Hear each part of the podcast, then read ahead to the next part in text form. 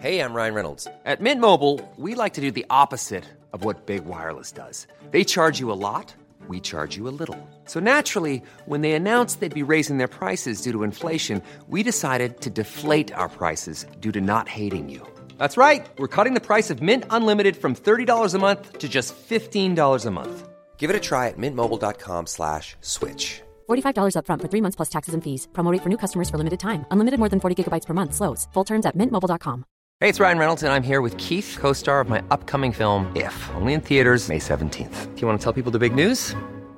All right, I'll do it. Sign up now and you'll get unlimited for $15 a month in six months of Paramount Plus Essential Plan on us. Mintmobile.com slash switch. Upfront payment of $45 equivalent to $15 per month. Unlimited over 40 gigabytes per month. Face lower speeds. Videos at 480p. Active Mint customers by 531.24 get six months of Paramount Plus Essential Plan. Auto renews after six months. Offer ends May 31st, 2024. Separate Paramount Plus registration required. Terms and conditions apply if rated PG. I'm Sandra, and I'm just the professional your small business was looking for. But you didn't hire me because you didn't use LinkedIn jobs. LinkedIn has professionals you can't find anywhere else, including those who aren't actively looking for a new job but might be open to the perfect role, like me. In a given month, over 70% of LinkedIn users don't visit other leading job sites. So if you're not looking on LinkedIn, you'll miss out on great candidates like Sandra. Start hiring professionals like a professional. Post your free job on linkedin.com/people slash people today.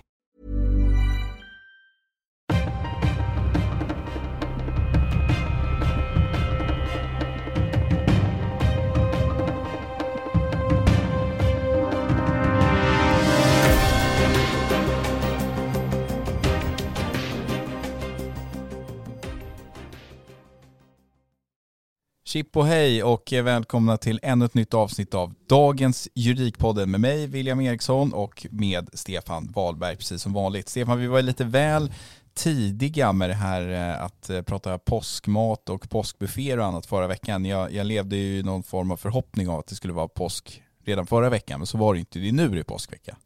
Ja, så var det. Och det jag minns att jag påpekade också att, Alltså, det var efter inspelningen. alltså, att vi var liksom en vecka för tidigt. Men jag ska fortfarande åka och fira påsk nere i södra Frankrike och eh, kommer hålla mig i en liten varmare region. Vi har precis fått påskägg. Har du ätit någonting? Tyvärr är jag barnsligt förtjust i de här smågodisäggen med våda risk här i den här hälsomeningen.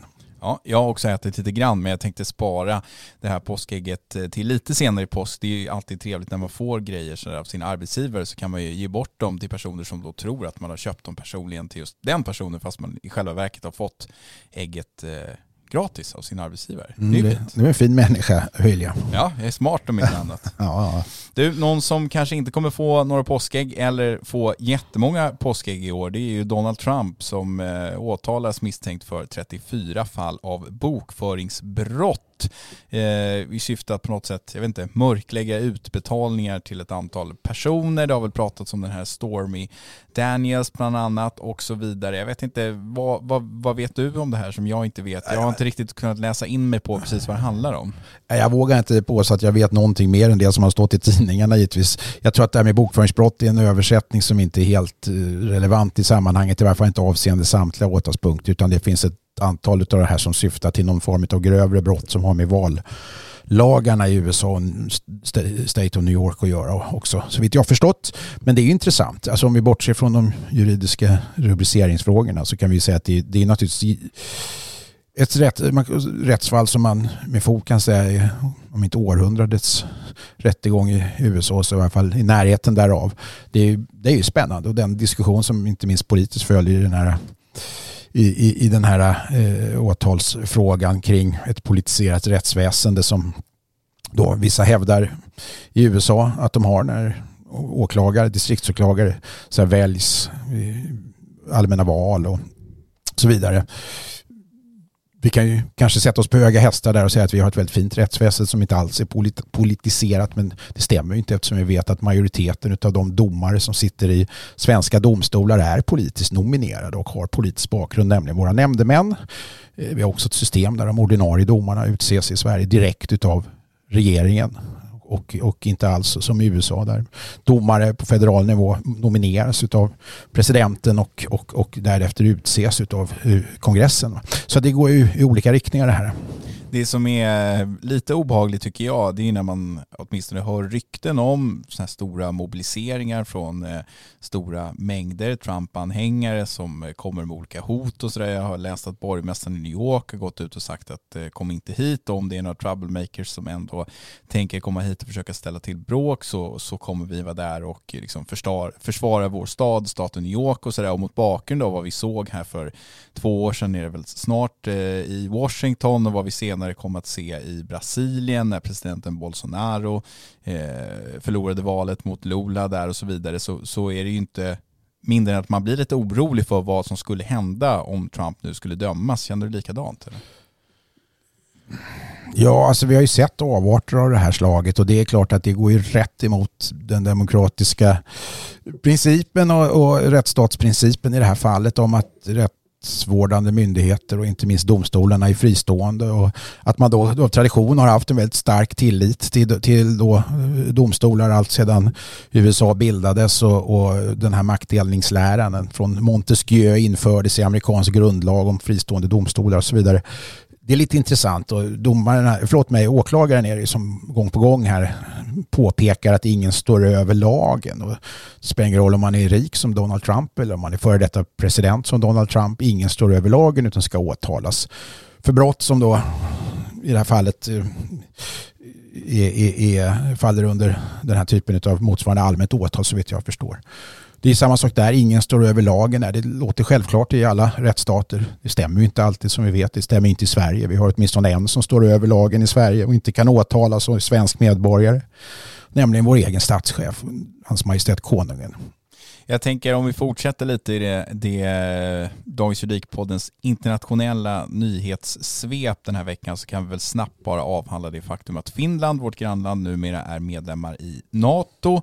Vi skulle gå hand i hand som vi pratade om för några vecka sedan här i podden. Så blev det ju inte. Nu är finnarna med typ dagen efter att man eh, hade ett val i Finland också där, där det verkar såklart att man nu får ett regeringsskifte med gå från socialdemokratisk eh, statsminister eller statschef där Sanna Marin till eh, ett moderat eh, parti med flest röster som jag förstår det och sen så har man väl inte riktigt eh, kommit fram till hur den där regeringen kommer att bli. Men, men eh, vad innebär det här nu då tror du Stefan för den svenska säkerheten när gränsen, NATOs gräns mot Ryssland blir 135 eller vad det är mil längre än vad den var tidigare och ryssarna har lovat upprustning här i Norden och så vidare. Vad, vad, vad tror du det här kommer få för konsekvenser för Sverige?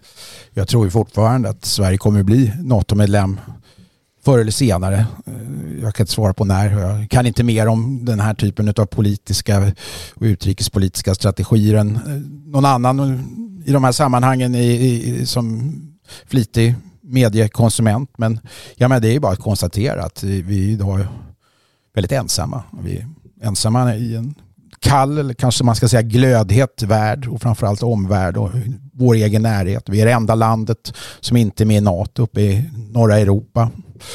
Eh, personligen tycker jag att det är, jag ska inte använda ordet obehagligt, men djupt beklagligt. Jag har varit stor NATO-förespråkare i många decennier. Och inte bara av säkerhetsskäl utan också därför att jag tycker att det är väldigt märkligt att driva en politik, en säkerhetspolitik som bygger på att vi vill gärna ha hjälp om vi skulle attackeras. Men vi vill inte vara med och hjälpa om någon annan blir attackerad det är en rent principiell fråga i, i grund och botten som, som rimmar väldigt illa med som solidaritetsbegrepp och annat som Sverige har stått för i alla andra sammanhang. Tror du finnarna har någon möjlighet att eh, delta i påverkansarbetet mot Turkiet nu när man är fullvärdig medlem här? Det pratas ju om att det lobbas väldigt hårt internt inom NATO för att turkarna ska, och även ungrarna för den delen, ska liksom rösta för Sverige här och släppa in oss i NATO. Tror du finnarna kan vara behjälpliga där eller har vi redan så att säga spelat ut det kortet genom att ansöka ihop med Finland?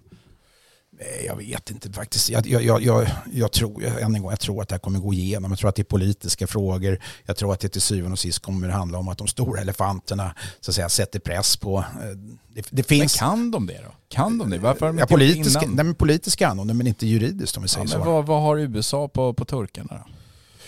Ja, det sades ju så sent som igår att de hade suttit i förhandlingar eller diskussioner om ett svenskt NATO-medlemskap med, med, amerikanska utrikesministern Blinken och samtidigt diskuteras, diskuterat frågan om att få köpa F16-planen F16 från USA. Och det där hänger ju intimt eh, samman på något sätt. Och Eh, jag, jag, tror alltså att det i slutändan ändå kommer vara the cause of many som påverkar det här. Och jag tror inte Turkiet eller för den delen Ungern har, har någonting emot att Sverige är med i NATO. Man vill bara använda de här korten som nu finns tillgängliga.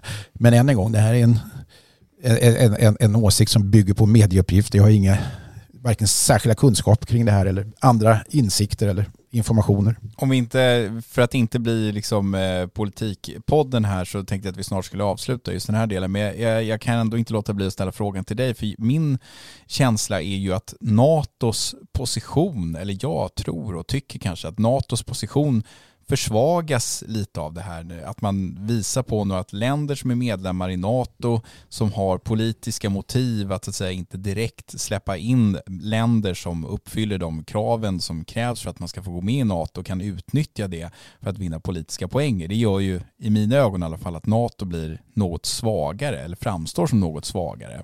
Är du med mig på den? Ja, som jag har fattat, med, fattat det från början när det här in, in, inrättades en gång i tiden, de här traktaten, så, så är det alltså en, en eh, princip som det här är inte till sin struktur en, en demokratisk organisation som, som fungerar med majoritetsbeslut och så, utan det är vetorätt rakt igenom och alla medlemmar måste av säkerhetsskäl godkänna nya medlemmar. Sen var det nog inte tänkt att det skulle kunna användas på det här. Då. Nej, men någon måste ju ha räknat ut att det skulle kunna bli så här. Ja, och det har ju hänt tidigare så vet jag förstått att, att, att länder, inte minst Turkiet, har satt sig på tvären och in i det sista eh, då utnyttjat det för inrikespolitiska syften men, men sen har det ändå gått NATOs väg. Och det, det är en intressant form utav, utav organisation. Vi är så väldigt, väldigt vana vid att majoritetsbeslut är att 51 procent bestämmer över 49 procent och sen är det bra med den saken. Och här är det ju inte riktigt så utan här är det så att alla ska vara överens. Sen kan man ju tänka sig att om vi vänder på det så säger vi så här om den svenska regeringen nu lyckas baxa igenom det här så vi får ett NATO-medlemskap inom kort, då kommer de ta åt sig äran för det. Det kan du vara helt säker på. Om man inte lyckas, då kommer man att lägga skulden så mycket det är möjligt utanför den egna handlingsmöjligheten. Och därför tycker jag att det är viktigt att redan här och nu säga att det är klart ett misslyckande för Sveriges regering att vi ännu inte är med i FN och, eh, förlåt, NATO, FN är vi verkligen medlemmar i. Men att, att vi då eh, står i den här situationen som vi faktiskt gör. Va? Eh, inte minst, det var där FN kommer in, med tanke på att vi alltid har varit ganska högljudda i FN-frågor och, och tagit oss fram med en ganska högsvansad hållning som någon form av moralisk världspolis. Och det är lite det som så vitt jag förstår och slår tillbaka. det. Ungern bland annat har ju pratat om att vi har spelat moraliskt högt stående och sett ner på dem och så vidare. Det är intressant det där du säger också med misslyckande för man kan ju ana eller skönja tycker jag att man från den moderatledda regeringen och vissa andra Tidöpartier just nu eh, kommer lite utspel då och då där man säger att det är inte lätt eh, att eh, arbeta med det här avtalet som Ann Linde och Magdalena Andersson förhandlade fram i Turkiet så skickade man fram bland annat, jag vet inte om Moderaterna har mandatet att så att säga skicka fram Carl Bildt eller om han själv eh, var den som bad om att få komma till Aktuellt studio. Men han stod i alla fall där i veckan och sa att eh, det här var ett katastrofalt avtal, det här är ju inte någonting som man kan jobba med. Så att det, du har nog en poäng där. Vi, vi jag, vill bara säga, ja. jag vill bara säga, för Carl Bildt underströk också i Aktuellt-studion att det här var någonting som hade godkänts av dåvarande oppositionen, det vill säga hans eget, hans eget parti. Och avslutningsvis i det här så tycker jag att det ändå som svensk eh, medborgare känns lite skönt att i de här sammanhangen, med undantag för två småpartier, så finns det en mycket bred, stark enighet där både Magdalena Andersson och vår nuvarande statsminister eh, Ulf Kristersson i, i vart fall har uttryckt att de i princip går hand i hand i den här frågan och det kommer inte vara något käbbel. Bra, inget käbbel. Mer käbbel kan det väl bli när vi nu ska prata möjligheten till preventiv avlyssning och eh, hemliga tvångsmedel i preventivt syfte i allmänhet. Vi är strax tillbaka.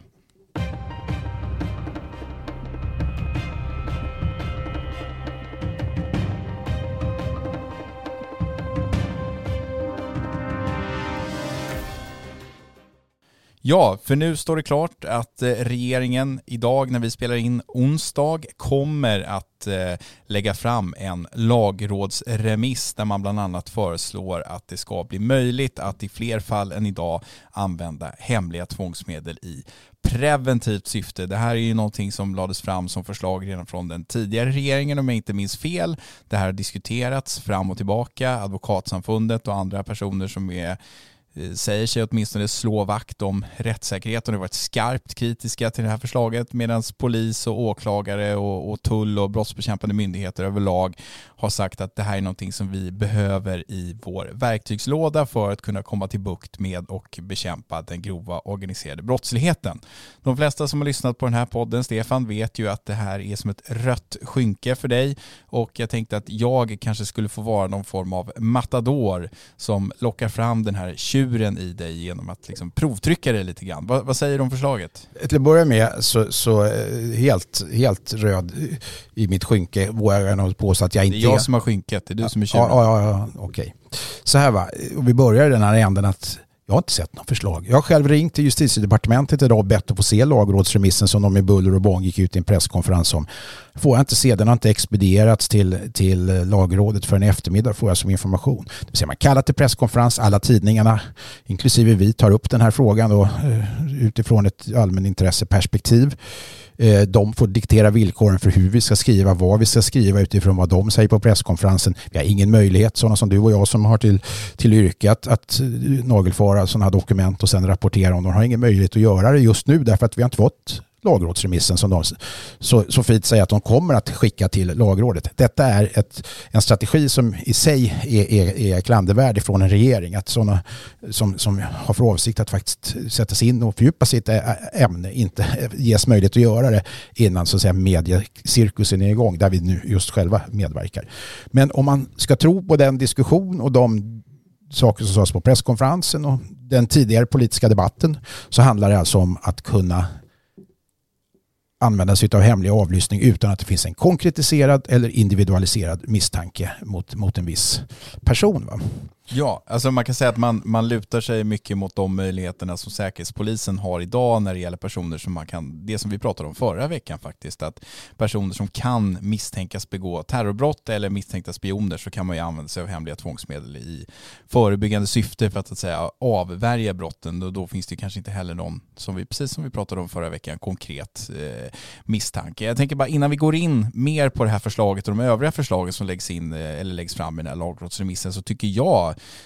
Eh, det kan vara värt att nämna personerna som var med vid den här presskonferensen. Då hade vi Gunnar Strömmer, det är inte så konstigt, han är ju justitieminister, tidigare advokat. Men Liberalerna kastade inte fram någon rättspolitisk talesperson eller sin partiledare.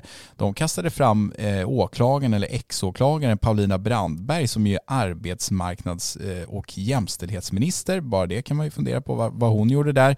Sverigedemokraterna kastade fram Katja Nyberg som är deras talesperson i polisfrågor. Hon är själv polis eller tidigare polis och Kristdemokraterna hade med sin rättspolitiska talesperson som jag just nu inte kommer ihåg. Torsten Elofsson tror jag han heter va? Precis, och han är tidigare polischef med 40 års erfarenhet från polisen. Och det är ganska intressant att de här fyra personerna står där och orerar när det här är ett förslag som helt och hållet egentligen bygger på rena önskemål från polisen och åklagarmyndigheten. Ja, här visar man ju, det här är en medveten strategi där man visar upp att inom våra regeringsunderlag, då sittande regeringspartierna plus Sverigedemokraterna, finns det så att säga, operativ kompetens på området. Och den operativa kompetensen bygger ju på precis det du säger, att det är människor som har eller representerar eh, repressiva eh, myndigheter som, som vill ha den här typen av verktyg. I väljarnas ögon så tror jag att det framstår som, som mer kompetent än, än, än eh, tveksamt. Men det är ju ganska ovanligt att man, jag menar, Paulina Brandberg sitter i regeringen eh, på, eh, som direkt, eh, direkt insatt av utav statsministern och inte med en riksdagsplats i grunden och eh, har varit åklagare tidigare men nu inom ett område där inte alls den här typen av frågor på ett departement där inte alls den här typen av frågor så att säga, handläggs även om även om straffrätten naturligtvis går igenom alla områden, inte minst jämställdhetsfrågor och så vidare. Men i det här sammanhanget så, så, så är hon där för att hon är före detta åklagare. Vi skulle inte plockat in någon annan arbetsmarknads och jämställdhetsminister än, än en före detta åklagare i en sån här eh, presskonferens i Sverige tror jag. Nej, det tror inte jag heller. Men det som ändå, alltså en fråga som man måste ställa sig, det är ju så här, och den har vi tagit hundra gånger här i podden men den kan vara värd att ställa igen. För att någonstans så tror jag att det finns en ganska bred majoritet både i riksdagen och bland svenska medborgare att det här kan väl inte vara ett så farligt förslag. Vi ser ju hur det ser ut, vi kan ana vad som komma skall om vi inte får stopp på den grova organiserade brottsligheten. Varför skulle man inte kunna tänka sig att om under vissa givna eh, förutsättningar så ska det finnas möjlighet för polis, åklagare, tull att genom ett beslut från domstol eh, till exempelvis avlyssna en person som kan tänkas begå ett brott inom ramen för ett kriminellt nätverk. Vad, vad i ligger det orimliga här? Om man ska vara snäll och, och göra den, den, den, så att säga, konkreta snälla tolkningen av det här utifrån deras synsätt, de som, som för, förfäktar den här eh, situationen på det sättet att vi ska införa sådana så kan man säga att, att egentligen handlar det om att, så att säga, sänka kraven för att få använda hemlig avlyssning till att det ska finnas skäl att, att, att uh, göra det. Från att det då ska finnas en konkret, som jag säger, individualiserad och konkretiserad misstanke mot en enskild person. Det är liksom det snälla sättet att uttrycka sig på. Eh, om man ska uttrycka sig i den andra änden så kan man säga att det är ett paradigmskifte inom en rättsstat att tillåta en ganska schablonmässig och godtycklig avlyssning av medborgare som inte kan då misstänkas för brott på en individualiserad och konkretiserad grund. Och det här vet ju Gunnar Strömmer som är gammal människorättskämpe och advokat som startade Centrum för rättvisa just för att den lille mannen skulle kunna stå upp emot staten och så vidare. Men man då man använder sig då av den, den här formen av behovs och proportionalitetsbedömningar som är inte bara vanliga inom juridiken utan har blivit allt vanligare när det gäller hemlig tvångsmedelsanvändning. Och den dyker alltid upp i alla utredningar som har gjorts så länge jag har varit med när man har utrett buggning och när man har utrett eh, allt från visitationszoner till allt vad det nu har varit på slutet så är det alltid en lång harang om integriteten och de här eh, aspekterna som är väldigt viktiga att beakta. Men vid en sammantagen bedömning kommer man ändå fram till att, att det får ge vika för intresse intresset av, av brottsbekämpning och utifrån den allvarliga situation vi har landat i. Och det här är ytterst en politisk fråga. Ska vi gå så här långt? Hur långt är vi beredda att gå för en situation vi har hamnat i? Och framförallt är vi i den situationen att vi ska genomgå den här typen av paradigmskifte jag är en gnällkärring på det här. Jag har pratat om det här nu i den här podden så många gånger. Min uppfattning är att det går ett steg för långt. Andra tycker då uppenbarligen, inklusive vår regering, att det här är nödvändigt för att kunna stävja framför allt den gängbrottslighet som vi vet har slagit klorna i Sverige. Men jag tycker ändå att det kan vara värt att lyfta fram att för många framstår det kanske som att det här är beslut som kan fattas av en åklagare eller en polis på stående fot och sen så några minuter senare så, så påbörjar man den hemliga avlyssningen. Är det inte så att domstolarna här ska fungera som en garant för att det här inte används godtyckligt? Jag menar man måste ändå ansöka om tillståndens domstol. Där sitter högt kvalificerade människor som är vana att göra bedömningar å ena sidan och å andra sidan och som ska bedöma skäligheten i den här eh, begäran som kommer från åklagaren då? Kan inte, är inte de en garant för att, för att det inte ska gå för långt? Så att säga? Om det är så. Jag har inte sett någon lagrådsremiss ännu som jag inledningsvis sa. Jag vet inte vad de har gjort för ventiler här eller undantag. Nej men det ska ju prövas av domstol, det kan vi utgå ifrån. Det får jag hoppas, men det finns också i andra sådana här lagar undantag där åklagaren interimistiskt kan fatta beslut om, om, om eh, vissa eh, hemliga tvångsmedel och sen ska det underställas eh, mycket riktigt en domstol. Vi har andra, vi har äldre tvångsmedel, alltså vanliga att ha i husrannsakan som får beslutas av polisman om det är fara i dröjsmål och det låter väl rimligt men det är som vanligt i de här sammanhangen alla ventiler som införs som undantag tenderar att i det operativa arbetet närma sig att bli någonting av en norm. Och då är vi på det världsberömda sluttande planet och kanske vi lämnar öppen dörr för en godtycklig bedömning och för den goda sakens skull. Och då ska man komma ihåg att vägen till helvetet är kantad av goda intentioner. Om vi säger så här då, det, här, det som vi har pratat om nu är lite kronjuvelen i, det här, i den här lagrådsremissen som läggs fram. Men det, det finns även andra förslag där som inte är helt ointressanta tycker jag. Och ett av dem handlar om att överskottsinformation som har kommit kommit fram vid hemliga tvångsmedel ska få användas för andra ändamål än det ändamålet som man då hade från början. Det tycker jag nästan låter ännu värre egentligen. Vi utreder ett mord och, eller vi utreder en, en, en narkotikabrottslighet på högre nivå som vi misstänker med hjälp av det här och till slut så kommer uppgifterna hamna hos skattmasen kanske. Jag vet inte om det finns ett brett folkligt stöd för det. Eh, för jag vet inte. Jag vet inte om det är så långt det kommer gå heller. Jag har inte sett lagrådsremissen helt. Nej, och vi kan väl lägga till också att man vill eh, utvidga de så kallade brottskatalogerna så att man ska kunna använda hemliga tvångsmedel för att utreda fler typer av brott och eh, jag tolkar det också som att man under en förundersökning ska kunna få använda hemliga tvångsmedel för att utreda flera brott vars samlade straffvärde överstiger en viss nivå. Jag tror att den nivån är satt till två år, så då ska man liksom kunna lägga ihop flera brott för att komma upp till ett straffvärde om två år. Och idag så krävs det väl att ett enskilt brott har ett straffvärde på två år för att man ska få använda hemliga tvångsmedel. Ja, den där, just den där bestämmelsen om den nu införs har jag mindre emot så länge den tillämpas strikt och det är domstolar som gör bedömningen.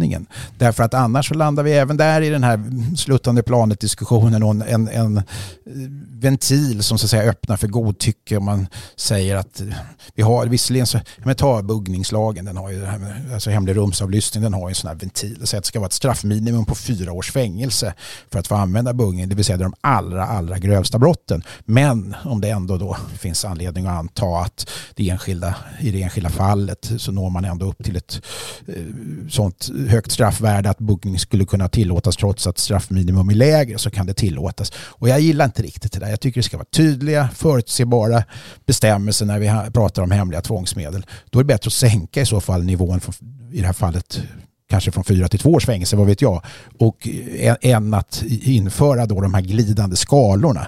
Därför att jag, jag, jag vet, jag har sett det här i, i, under hela min, mitt yrkesverksamma liv, att, att det faktiskt tenderar att bli just godtycke utav det. Och det vet alla. Alla som kan det här, någonting om sånt där vet det, men, men motiverar det med det, det goda ändamålet. Ja, men det som ska bli intressant att se är väl någonstans om, om det här nu blir verklighet. Jag tror att man hoppas att de nya lagändringarna ska träda i kraft efter sommaren någon gång, om det var första oktober eller om det var första september. Jag minns inte riktigt. Det som är intressant är väl då, får det en effekt på, låt säga ett års sikt eller får det en effekt under den här mandatperioden? Då kanske vi får förlika oss med det. Jag menar någonstans är det så, om den nuvarande regeringen kan visa på att det här är åtgärder som faktiskt fungerar när det gäller att stävja den grova organiserade brottsligheten. Då kanske även sådana som jag som är, liksom, lutar åt lite samma håll som dig men som kanske inte är lika, riktigt lika indignerad som du i de här frågorna och även du någonstans få hoppa ner från våra höga hästar och, och erkänna oss besegrade? Ora, jag är jätteberedd att hoppa ur min sadel om det här skulle ge effekter. Jag understryker än en gång, jag har faktiskt sagt det i alla de här diskussionerna, att det är till syvende och sist en proportionalitetsbedömning. Det här är inte en, en så att säga, röd linje att passera, eh, även om det är ett paradigmskifte som det har uttryckts som, men det är klart att om det skulle visa sig vara ett exceptionellt effektivt verktyg för att sticka hål på den här eh, hemska bubblan av grov organiserad brottslighet och gängkriminalitet så, så även, eh, jag är inte sämre än att jag kan ändra mig men, men eh, och så jävla gnällig är jag faktiskt inte utan jag, jag jag förstår argumenten, jag, jag, absolut, men, men jag är inte riktigt där själv än. Jag har försökt. Jag tycker också att man kan märka en eh, ganska kraftig glidning åt det här hållet även bland personer som tidigare har varit och är fortfarande stora förespråkare för liksom, rättssäkerhet, förutsägbarhet, proportionalitet och så vidare. Jag hörde någon senast häromdagen som är eh, både utbildad inom juridik och arbetat med, med liksom, rättssäkerhetsfrågor som sa att han hade sett prov på något extremt eh, effektivt exempel i Ecuador där man mer eller mindre hade slutat med rätt rättegångar för gängkriminella och bara burit, burat in dem på, på konkreta misstankar utan att ha någon rättsprocess och sa att ja men du ser det fungerar, nu har de kommit till rätta med kriminaliteten. Så jag menar, det, det kanske blir så att inom några år finns det inte så många som du kvar Stefan. Nej det är ju så, jag, jag är en sån här gammal dinosaurie i de här avseendena kanske som sitter och och, och, och, skriker på ett berg och ingen lyssnar. Det må vara så, eller det verkar ju så. Och det kan ju vara så att, att det till och med, vi har ju ibland ingen nämnd och ingen glömd, men det finns ju ett antal, inte minst poliser i det här landet som uttalar sig i, i offentligheten där man ibland kan skönja en uppfattning om att människor som har åtalats per definition ska betraktas som skyldiga och att det är en skandal när de frias och sådär. Ungefär som om vi inte skulle behöva just rättegångar och domstolar utan det räcker med att en åklagare bedömer att det finns tillräckliga skäl för åtal. Och då har man lite missat de här sakerna som en gammal dinosaurie som jag tycker är väldigt viktiga.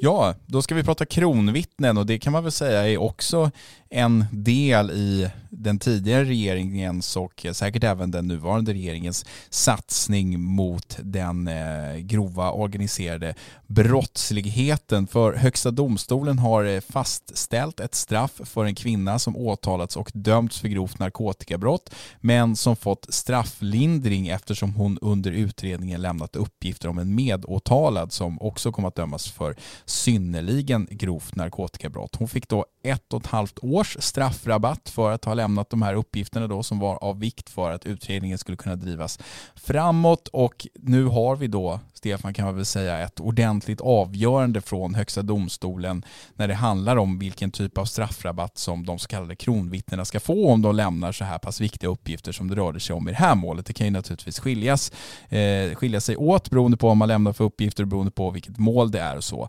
Men tycker du att det känns lagom att man får ungefär ett och ett halvt års avdrag för att man lämnar viktiga uppgifter om någon annans brottslighet? Ja, man ska ju säga att det beror på vilket straffvärde brottet har som har dömts för. I det här fallet så bedömde man väl straffvärdet, vill jag minnas, till fem och ett halvt år. Va?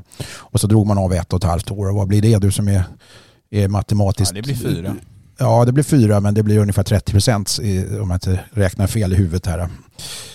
Eh, och eh, det låter väl rimligt eh, att man utifrån den då, nya lagstiftning vi har på området sen framförallt förra sommaren har, har eh, tagit ett sådant initiativ så att det blir liksom märkbart att det här är strafflindringsgrunder som, som då ska säga, det, det, ska vara ett märkbart genomslag tror jag Högsta domstolen uttrycker det som. Sen är det olika, ju högre straffvärde gärningen har desto, desto längre i, i, i realiteten kommer ju avdraget att bli. Och sen så säger man när det gäller, när det gäller lägre straffvärden så, så, så blir de då i realiteten naturligtvis avsevärt mycket mindre.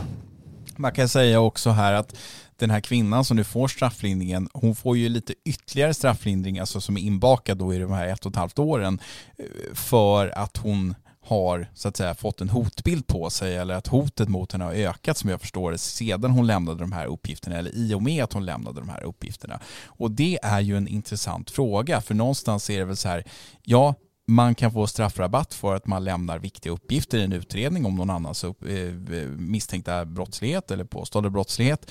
Men ska man då få ytterligare straffrabatt för att man tar en risk trots att man själv döms för brott. Förstår du hur jag tänker? Mm. Det här tror jag, men jag inte minns fel, nu var det länge sedan jag läste igenom justitierådet Stefan Johanssons utredning i den här frågan. Men jag vill minnas att det är vad han skriver i sin SOU. Att, att eh, det är en av de grunderna som ska vägas in i det här. Alltså vilka risker man exponerar sig för. Det vill säga, annars så är det ju ingen Annars gör man ju liksom ingen, att lämna uppgifter om man inte riskerar något, då har de ju inget värde i den meningen som man pratar om här. Sen finns det ju det finns både principiella och praktiska frågor i, i, i de här sammanhangen som är väl värda att lyfta och väga in i den här diskussionen. Principiellt kan man säga huruvida staten överhuvudtaget ska främja då någon form av källarsamhälle Vän av ordning vänder sig då emot uttrycket tjallarsamhälle och säger att, att, att eller angiverisamhälle och säger att men, men eh, det kan ju inte anses vara moraliskt förkastligt att man så att säga, hjälper till att klara grova brott. Va? Och så är det naturligtvis att, att någonstans går ju en gräns när vi alla vill att människor ska då larma polisen och så vidare. Frågan är var, var gränsen går när det handlar om att med, medbrottslingar då till exempel som i det här fallet ska, ska så att säga läggas. Det, det, det är ju inom den gamla Tjuvaheden är det ju ajabaja va? Och, och eh, i, i många sammanhang så är, är det i alla fall värt att diskutera eh, frågan kring, kring angiveri. Praktiska frågor som uppkommer som en direkt följd av det här är ju till exempel hur man ska hantera eh, då angivare eller kronvittnen inom kriminalvården. Har man resurser för att kunna göra det? Den här eh, kvinnan ska nu sitta någonstans och trots allt avtjäna de här fyra åren. Eh, och det är ju bara under den tiden. Läser man Högsta domstolens dom så, så kan man ju läsa där att eh, hennes uppgiftslämnande har medfört att en allvarlig hotbild har uppstått mot henne och att det skedde en sprängning i hennes trappuppgång eh, efter att inför huvudförhandlingen som man bedömde då hade samband med målet och hennes medverkan i utredningen. Man skriver vidare att den här hotbilden förväntas kvarstå under lång tid, att hon har tät kontakt med polisens personskydd och har fått information om att hon i framtiden kommer att behöva flytta till ett skyddat boende. Jag menar, det, det, är ju liksom, det medför ju allvarliga risker här, men jag tror fortfarande att det från vissa håll kan uppfattas som stötande att man liksom ska få extra straffrabatt för att man själv tar en risk när man lämnar de här uppgifterna om man själv är en person som har begått brott inom ramen för samma mål. För då tror jag att det finns en del som tänker att nej men den risken tog man ju redan när man började begå brott inom ramen för exempelvis ett kriminellt nätverk eller vad det nu kan vara som den här reformen syftar till att stävja. Ja, och, och, och, frågan i sin förlängning utifrån det du säger är ju också ska, ska, vilka regler ska, ska samhället acceptera som uppkommer helt informellt och till och med som en direkt följd av, av hur kriminella kretsar sätter upp sin moral. Det vill säga, jag pratade om angiveri tidigare som är då en, en, en riktig förbrytelse inom de kriminellas kretsar att, att, att tjalla, va? goltuppar som det så fint kallas. Men Eh, ska samhället titta på det som, som, som en del av sin reguljära lagstiftning och låta det påverka lagstiftningen i någon mening? Ja, jag, jag har inget bra svar på frågan. I det här fallet gör man det onekligen. Sen kommer det övriga diskussioner som är närmast processuella in i det här. De gillar inte uttrycket kronvittnen, de som har jobbat med de här utredningarna och tagit fram dem.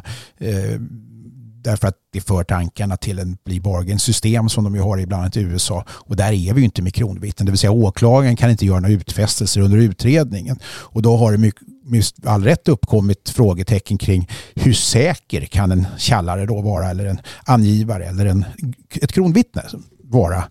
På att verkligen få utdelning i domstol utav det här. Nej, det kan man inte vara säker på om man inte redan under förundersökningen när man ska lämna uppgifterna får den här eh, garantin eller utfästelsen från så att säga, statsmakternas sida.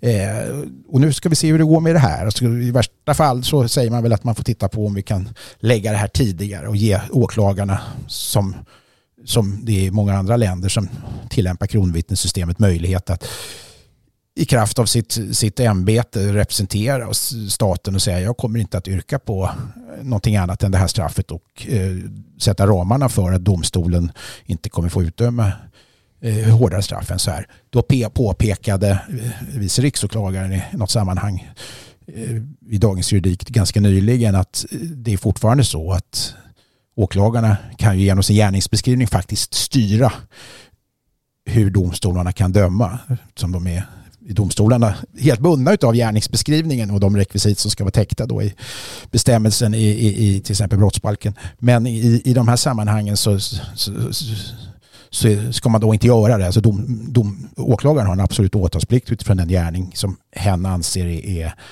åtalbar och får inte anpassa det på det sättet men rent praktiskt så skulle det kunna göras. Nu har vi trots allt hårda papper. Här får man väl ändå säga någonstans från HD att 30 procent är en eh, nivå eller en gräns att rätta sig efter, åtminstone om det är någonting som liknar det här målet som HD nu har prövat. Och då kommer ju den stora knäckfrågan här. Tror du att det här är någonting som kommer att få fler personer att medverka till utredningar av annans brottslighet? 30 procents avdrag på straffet uppenbarligen i det här fallet. Och, ja, men då visste inte att det skulle bli 30 procent. Nej, det, din fråga är ju det, den fråga som alla då ställer sig från utredare till personal i både domstolar och åklageriet och för den delen polisen. Men ja, i någon mening kommer det säkert få en effekt. Eh, om jag inte minns fel så har det ju fått det utomlands därför att människor, framförallt när det gäller längre straff, ser en möjlighet då att slippa tio års fängelse och istället få sitta av låt säga sex och ett halvt års fängelse.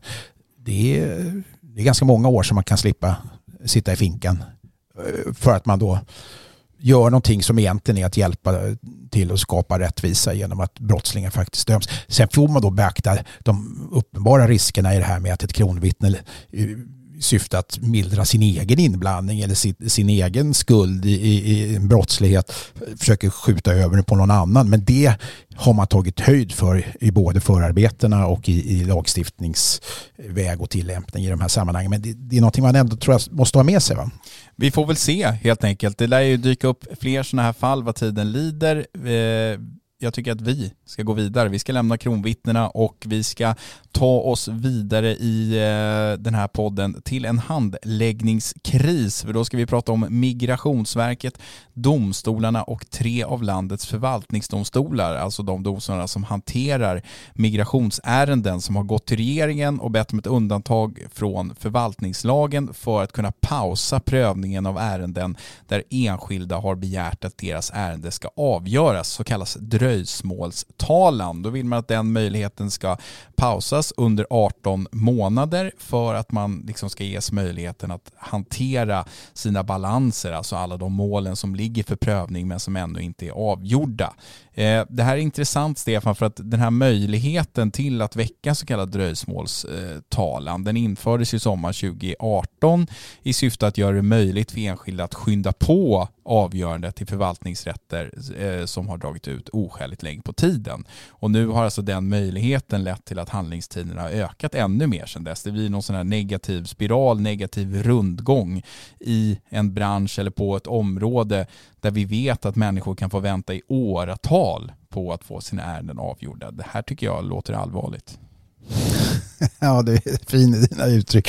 Det här är väl byråkratin när den är som allra, allra sämst. Och, och eh, Micke Ribbenvik, då, generaldirektör för Migrationsverket, eh, eh, han säger ju också i, i samband med det här, eh, den här begäran att de redan i samband med sin remiss då inför att, att lagen föreslogs påpekade att det, det kunde leda till motsatsen, alltså till längre handläggningstider eftersom våra medarbetare får ägna tid åt att pröva dröjsmålsärenden istället för att pröva ansökningar om arbetstillstånd och medborgarskap i sak, eh, sa då Mikael Ribbenvik. Och eh, mer byråkrati än så kan man ju inte riktigt tänka sig eller byråkratisk handläggning att man inför en särskild lag för det här står i, i förvaltningslagens eh, tolfte paragraf om jag inte minns fel och eh, den tolfte paragrafen slår ju fast att man då har rätt att begära ett ärende som har dragit ut på tiden att inom sex månader kunna få ett skriftligt, att det avgörs skriftligt helt enkelt. Och det här har ju kommit till därför att vi har väldigt senfärdiga och, och, och, och tungrodda myndigheter som tar sig rätten att överskrida tider som är skäliga för beslut och så vidare. Och när man då sätter till en sån här bestämmelse så visar det sig ta ännu längre tid. Så att det är svårt att hitta någon, någon form av logik i det här annat än att det är en byråkratisk kvarn som är ur ett medborgarperspektiv i varje fall helt oacceptabel. Är inte det här ett ganska bra exempel också på hur, vad ska man säga, utan att ta politisk ställning, men alltså att dålig politik kan leda till ännu större problem än vad som redan finns. För jag har ingen aning om vilka motiv som låg bakom att någon liksom kom på att man skulle ta fram en sån här möjlighet att väcka dröjsmålstalen. Men jag misstänker att man gjorde det i ett läge där det var mycket prat om att handläggningstiderna var alldeles för långa, att det var handläggningskris inom både migrationsdomstolarna och kanske på Migrationsverket. Och så kom något snille på den här idén att ja, men vi gör så här istället. Då, då, då känner ju alla att ja, men här finns en regering eller här finns ett polisparti som, som tar strid för den enskilda medborgarens rätt att få sin sak prövad i domstol och sen så fem år senare så ser det ut så här. Alltså det här är ytterst en fråga om, alltså, om, två saker. Det ena är en fråga om mänskliga rättigheter och där har vi ett antal avgöranden om hur lång tid ärenden får ta i sin handläggning i, i, i både myndighetssfären och inte minst i domstol. Jag känner till ärenden där Högsta domstolen har slagit sig själv på fingrarna och utdömt skadestånd för att dröjs, dröjsmålet i Högsta domstolen var så långt så att den personen fick sina rättigheter enligt Europakonventionen kränkta. Och jag menar, det är i någon mening så att det, det blir något löjets skimmer över att myndigheter och inte minst domstolar inte kan leva upp till Europakonventionen när de har till uppgift att se till att medborgare följer lagen och, och inte minst domstolarna att sätta sig till doms över medborgare som inte följer lagen. Och så kan de inte ens själva följa något så grundläggande som Europakonventionen som är svensk lag. Eh, ni hör ju själva liksom att det här inte är riktigt tillrådet. Och varför blev det då på det här sättet? Ja, det är klart ytterst är det en politisk styrning och ytterst är det en fråga om resurstilldelning och organisatorisk förmåga hos de olika regeringarna som har sett till att inte bara Sverige utan många andra då västerländska, eller kanske inte bara västerländska, men nu pratar vi om, om, om den typen av länder i de här sammanhangen som har ett, alltså ett fungerande rättsväsende ur ett sådant perspektiv. Att, att eh, det har liksom en byråkratiseringen, det blir en självspelande piano och så blir man lite självgod och så blir man lite högmodig och så tycker man att medborgarna kan vänta och så glömmer man bort som tjänsteman och domare att, att vi finns till för medborgarnas skull och inte tvärtom. Vi vet ju det, vi har ju hört det, det är ju ingen nyhet. Alltså det här har ju pekats på i så länge välfärdsstaten har funnits skulle jag påstå. Det är intressant också att man säger att om man nu skulle få möjligheten till en 18 månaders paus på det här eh, sättet så skulle man på sikt kunna uppnå förordningsstyrda handläggningstider. Alltså de handläggningstider som... Då kan vi bli lagliga säger de. Ja precis. Och det är så märkligt tycker jag att man, man vet inte var man ska ta vägen. Men vi får väl se vad som händer. Jag, jag, jag är liksom inte helt övertygad om att de kommer få den här respittiden heller. Utan det är ju en hemställan som de nu kommer med till justitiedepartementet och den ska väl malas i någon kvarn där och någon ska avgöra huruvida det är... Riksdagen, det måste ju vara riksdagen. Det här är ju en lag. Regeringen kan ju inte gå in och, och, och i de här sammanhangen upphäva riksdagens lagar. Det ligger ju inte inom lag inom ramen för den normgivning som... Alltså regeringen måste, så jag kan komma fram till i alla fall genom proposition, uppvakta riksdagen och säga kan vi få en paus i det här? För det är ju riksdagen har ju tagit den här lagen. Eh, någon på konstitutionell rätt, expert, kan ju möjligtvis mejla mig och säga om jag har fel. Men det låter ju orimligt att Alltså vi har ett statsskick trots allt. där Sveriges riksdag består av representanter för oss medborgare som sätter ramarna för hur regeringen ska styra riket. Eh, och även om det i praktiken många gånger är tvärtom så är det de principerna som gäller. Och det här framgår av åttonde kapitlet regeringsformen om den så kallade normgivningsmakten. Och regeringen kan inte upphäva bestämmelser som framgår menar att rättschefen på justitiedepartementet och, eller på migrationsverket och förvaltningsdomstolarna har vänt sig till fel instans? Nej, nej inte alls. Jag tror att de ska vända sig till sin huvudman som ju är regeringen. Men regeringen borde behöva vända sig till riksdagen och hemställa om detta. Även när det gäller förordningar? Nej, det här är inte en förordning. Här... Nej, men jag tror att de hemställer gemensamt om att regeringen i en förordning ska göra undantag. Du satte det på pottarna. Ja, fast en förordning kan inte upphäva en lag om det inte finns uttryckligt stöd för i lagen i och för sig. Gör det det? Ja, det säger Migrationsverket i alla Okej, okej. Om, om det är så så är det så. Det hade jag rätt för en gångs skull. Nej, du har ofta rätt, men just i sådana här frågor så är jag tveksam till. Men för all del. Jag hör på dig att du redan är inne i påsken. Låt människor som kan det här betydligt bättre än i varje fall undertecknad inkomma med mail till podden at dagensjuridik.se. Och hänvisa gärna till rättslig grund för påståendet. Bra. Men och jag lovar att vi kommer reda ut det i vår nästa podd va? Ja, det kan vi verkligen göra. Men jag har ju på dig att du är redan, du har liksom ett steg, en fot i Frankrike och en fot i poddstudion. Så det börjar bli dags att runda av här. Jag sitter redan på kvasten. Exakt, du ska flyga iväg till Blåkulla. Du har en blå tröja idag förresten.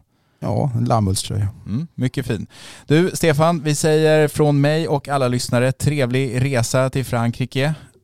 Au revoir, eller vad säger man på franska? Au revoir.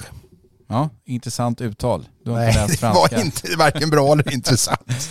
Hörrni, stort tack för att ni har lyssnat på podden. Som sagt, glöm inte att mejla oss podden att dagensjuridik.se så önskar vi en glad påsk. Vi hörs om en vecka igen. Hej!